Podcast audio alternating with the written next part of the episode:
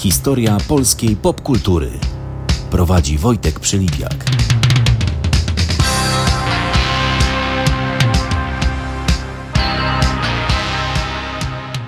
Dzień dobry, cześć. Czas na kolejną odsłonę historii polskiej popkultury. Tym razem odcinek, jak widać, poświęcony Polskiej Szkole Plakatu. Jak widać, bo znajdujemy się w Muzeum e, Polskiego Plakatu w Wilanowie, pierwszego Muzeum Plakatu zresztą e, na świecie. E, wyjątkowym gościem będzie kurator tego muzeum, pan Mariusz Knorowski, który opowie o e, historii polskiego plakatu, o polskiej szkole, wyjątkowych twórcach i czym się ten plakat wyróżniał, bo się wyróżniał e, w świecie. Tradycyjnie w tle towarzyszyć będzie muzyka e, wydawnictwa e, Gad Records. E, No i zapraszam. Historia polskiej popkultury, odcinek poświęcony Polskiej Szkole Plakatu.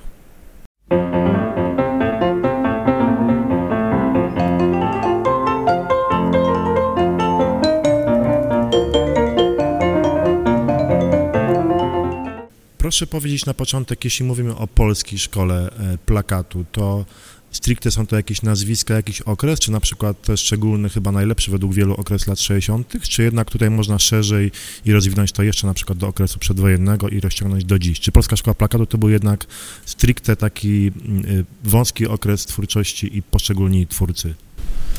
Y, Na ten temat istnieje dosyć dużo y, nieporozumień i termin ten jest nadużywany. My jako y, strażnicy i kustosze tej tradycji jed- jednak jesteśmy zobligowani do przestrzegania pewnych reguł y, chronologicznych i ten epizod, y, on jest datowany może niezbyt dokładnie, ale jest to schyłek lat 40., a na pewno początek lat 50., mimo obowiązującej doktryny y, realizmu socjalistycznego w tym czasie. Natomiast jako pewien fenomen artystyczny to zjawisko wyczerpuje się w połowie lat y, 60. I, i y, y, opowiadamy się zdecydowanie i z dużym przekonaniem za, za takim właśnie datowaniem. Natomiast oczywiście istnieje pewna ciągłość czy sukcesja, bo to jest ciągłość życiorysów artystycznych y, tej formacji, która też była nieformalną grupą. Ja o, o, za chwilę o tym powiem. Natomiast y, utarło się i to jest rodzaj takiej y, mm, trochę legendarnej mitologii, że to zjawisko w kolejnych jak gdyby y, mutacjach czy falach było reprodukowane jeszcze w latach 70., 80. czy nawet y, y, 90. Y, Być może jest to ciągłość pewnej tradycji artystycznej, czyli traktowania dzieła, y, plakatu jako dzieła artystycznego, a nie jako y, że tak powiem, wytwór pewnej inżynierii intelektualnej. Y, Na pewno zjawisko polskiej szkoły i w tym historycznym okresie, jak i później kojarzone było z taką ekspresją typu malarskiego. Był to plakat y, bardziej kreacyjny niż taki właśnie y, zdyscyplinowany formalnie czy rygorystyczny, jeżeli chodzi o kompozycję. No, a wynikało to, to wszystko, ta odmienność polskiego plakatu po prostu z pewnej y, komplikacji, że tak powiem, ideologicznej, że y, pokolenie twórców, które powiedzmy, że edukowało się w latach 50. y, w Warszawskiej Akademii, miało możliwość y, pewnego eksperymentu artystycznego. Tam istniały dwie pracownie prowadzone przez, jedna przez Henryka Tomaszewskiego, druga przez Józefa Mroszczaka, gdzie tak tytułem y, rekompensaty za niemożność zaistnienia w sztuce wysokiej y, potraktowano y, formułę plakatu bardziej właśnie artystycznie czy kreacyjnie. To dotyczyło głównie domeny plakatu filmowego i te- teatralnego, gdzie rodzaj takiej indywidualnej ekspresji był dopuszczalny, a jednocześnie dobrano do tego pewien, pewne instrumentarium środków, czyli nie mogąc być malarzem, zrealizowano swoje ambicje y, y, y, artystyczne w formule plakatu.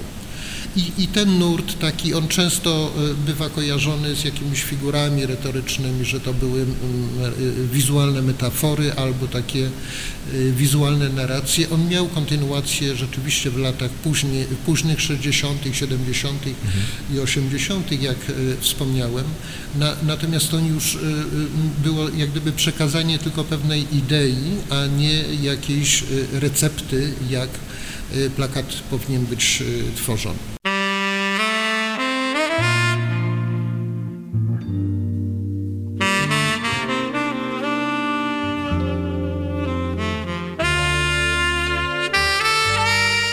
Lata 60. to nie dość, że ogólnopolskie biennale, to międzynarodowe biennale, no i powstaje Muzeum Plakatu. E, skąd wzięła się w ogóle idea, e, bo to chyba pierwsze muzeum plakatu z tego co wiem na świecie, to po, polskie właśnie, w którym się znajdujemy. Skąd wzięła się idea powstania tego muzeum, jak to się stało? No i co tutaj jest w tych zbiorach takiego e, wyjątkowego, że po prostu warto tutaj przychodzić? Właśnie fakt powstania muzeum jest jak gdyby wypadkową tych procesów, czyli z jednej strony tradycja i renoma tej polskiej szkoły plakatu, Y, która w zasadzie została dostrzeżona, y, ta odmienność została dostrzeżona, jak wspomniałem, w późnych latach 40., że Polacy po prostu wymyślili inną y, metodę na tworzenia plakatu. I środowisko było, że tak powiem, umacniało się wokół tego mitu. Wiedziało, że wytwarzamy wartość, którą później określono mianem dobra narodowego. Mhm. Stąd idea też Y, powołania y, najpierw w Katowicach w 1965 roku Krajowego Biennale Plakatu Polskiego, a w 1966 roku wystartowało w Zachęcie Międzynarodowe Biennale Plakatu. To była największa międzynarodowa konfrontacja i spotkanie różnych y, środowisk, różnych właśnie orientacji, różnych szkół, tak możemy to nazwać i to już w sensie, w sensie globalnym. I w zamierzeniu y, pomysłodawców Biennale było też, żeby powstała instytucja, która zajmuje się archiwizowaniem sztuki plakatu.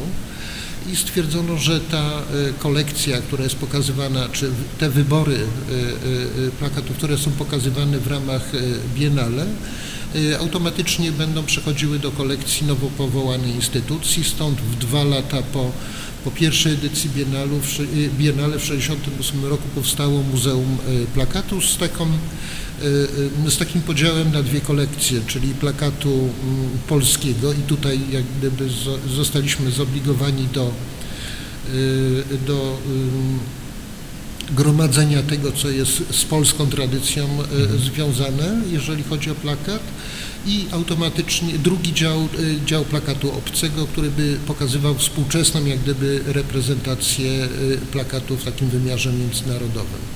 Potem były oczywiście różne perypetie, to Biennale funkcjonowało cały czas w Zachęcie, była to naprawdę mocno y, politycznie nawet przez mecenat wspierana impreza. Natomiast w 1994 roku wraz z 14 edycją Biennale zostało przetransferowane e, do Muzeum Plakatu jako instytucji dedykowanej właśnie plakatowi i 10 kolejnych edycji do jubileuszowej, do 25 odbywało się e, już e, tutaj w naszej, w naszej siedzibie. Przy czym zachowujemy ciągłość kolekcji i Y, cały nasz zbiór plakatu obcego jest głównie oparty właśnie na plakatach pochodzących z Biennale, więc jest to jedyna bardzo reprezentatywna kolekcja współczesnego plakatu międzynarodowego y, z udziałem jak gdyby całego panteonu projektowania graficznego, bo y, Biennale to jednocześnie był konkurs, więc też i, a e, funkcją muzeum było organizowanie wystaw laureatów kolejnych edycji, więc udało nam się zgromadzić nie tylko taki kalejdoskop obrazów z całego świata, ale również e, e, większe zespoły prac poszczególnych laureatów w różnych kategoriach, co wydaje mi się jest nieporównywalne z żadnymi innymi zbiorami plakatu na świecie.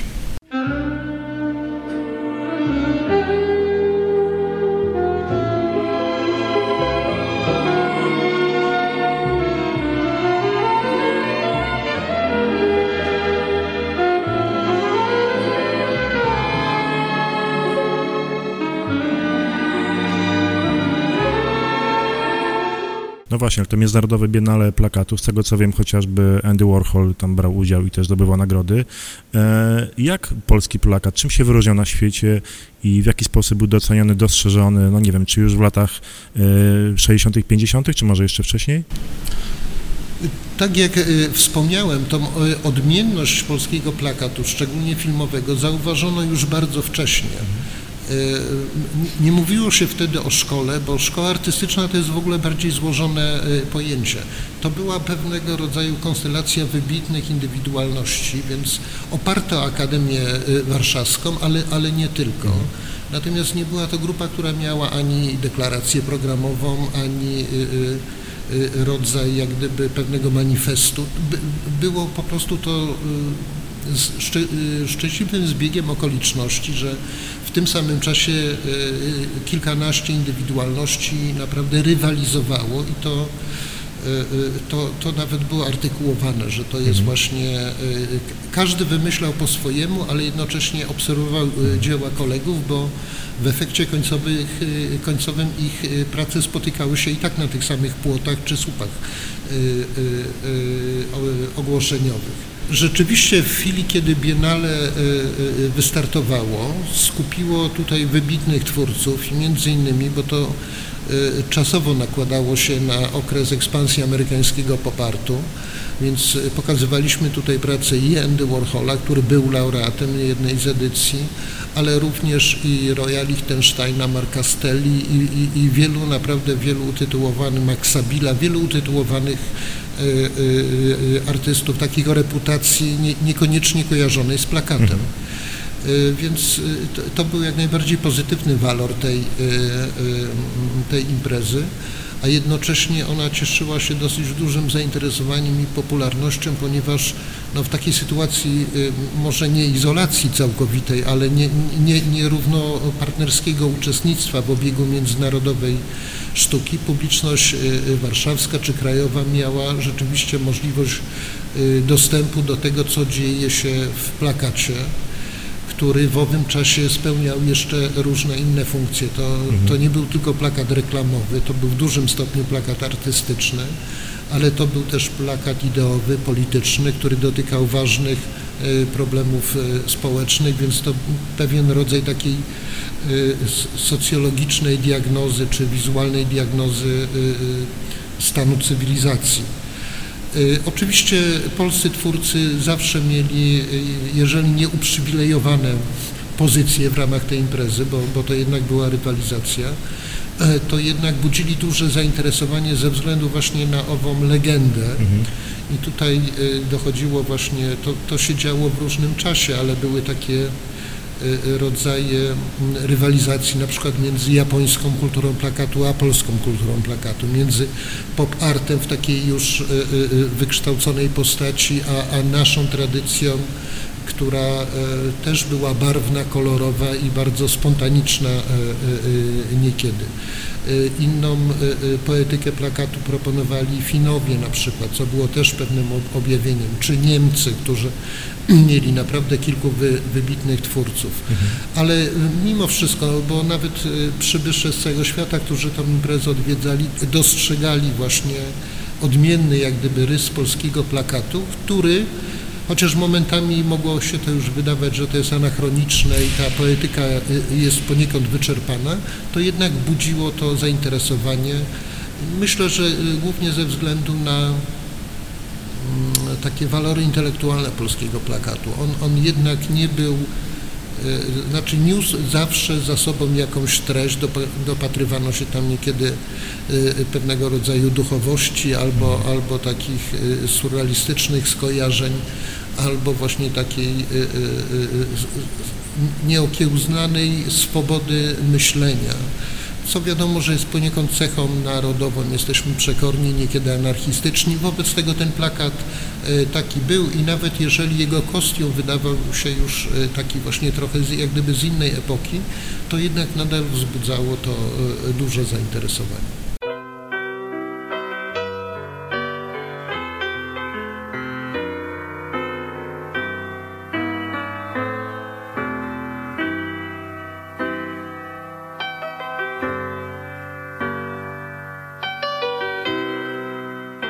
Czy współczesny dzisiaj polski plakat i twórcy cały czas spoglądają wstecz na tą właśnie już stricte polską szkołę plakatu, czy dalej są tacy anarchistyczni i, i, i jest ta wielka wolność, indywidualność, czy troszkę się ten polski plakat zmieni? Jak pan dzisiaj widzi? To trudno opisać tą sytuację. No, na pewno są... Y tacy trochę samozwańczy kontynuatorzy, którzy y, jak gdyby wpisują w swój rodowód y, tą tradycję, o której mówiłem. i próbujemy ją w taki czy inny sposób kontynuować. I myślę, że tak obiektywnie, w, w takiej skali porównawczej jest, jest to zauważalne. Tak jak mówię, to niekiedy może się wydawać nieco już takie demode, ale, ale jednak coś takiego jest. Oczywiście postawiono w międzyczasie kilka takich Y, orzeczeń, że, że plakat jest już, y, że to jest schyłek jak gdyby mhm. jego obecności w ikonosferze, co nie jest do końca prawdą, bo plakat funkcjonuje dzisiaj również w nowych mediach jako pewien szczególny typ obrazu i, i po prostu to są jakieś,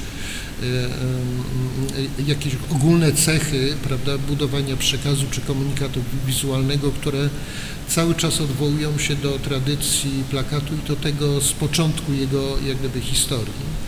Natomiast oczywiście zmieniają się dziedziny życia, których on dotyczy, więc to jest w dużym stopniu komercyjna reklama, gdzie nie zawsze eksperyment artystyczny jest y, pożądany, natomiast y, bywa i tak, że y, śmiały, komercyjny plakat, który łamie jak gdyby pewne reguły, czy pewien porządek takiego komunikatu reklamowego, a ma, e, proponuje jakąś właśnie e, e, przewrotną, prze, przewrotny kalambur taki wizualny, no, staje się czymś, jest czymś wyróżniony, czy wyróżnia się spośród innych tych schematycznych czy takich stereotypowych.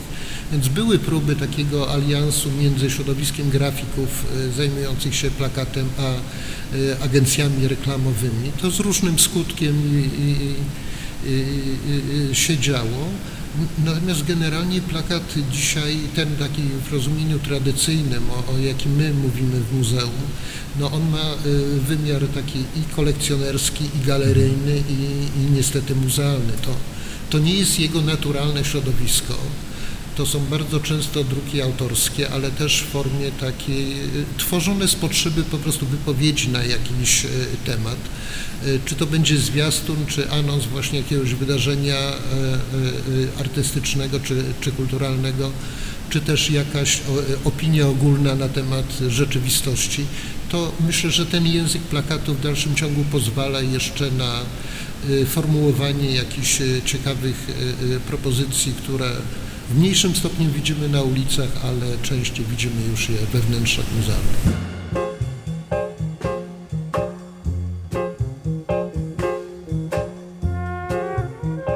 To tyle, jeśli chodzi o historię polskiego plakatu. E, w kolejnym odcinku historii polskiej popkultury gościem e, specjalnym był kurator e, tego fantastycznego muzeum, pan Mariusz Knorowski.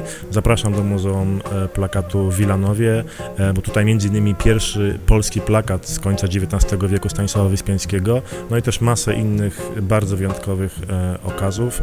Zapraszam do odwiedzenia. Dziękuję jeszcze raz za wspaniałą muzykę wydawnictwu GAD Records.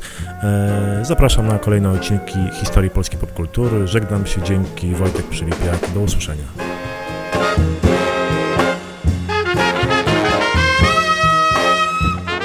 Historia polskiej popkultury. Była to audycja Wojtka Przylipiaka.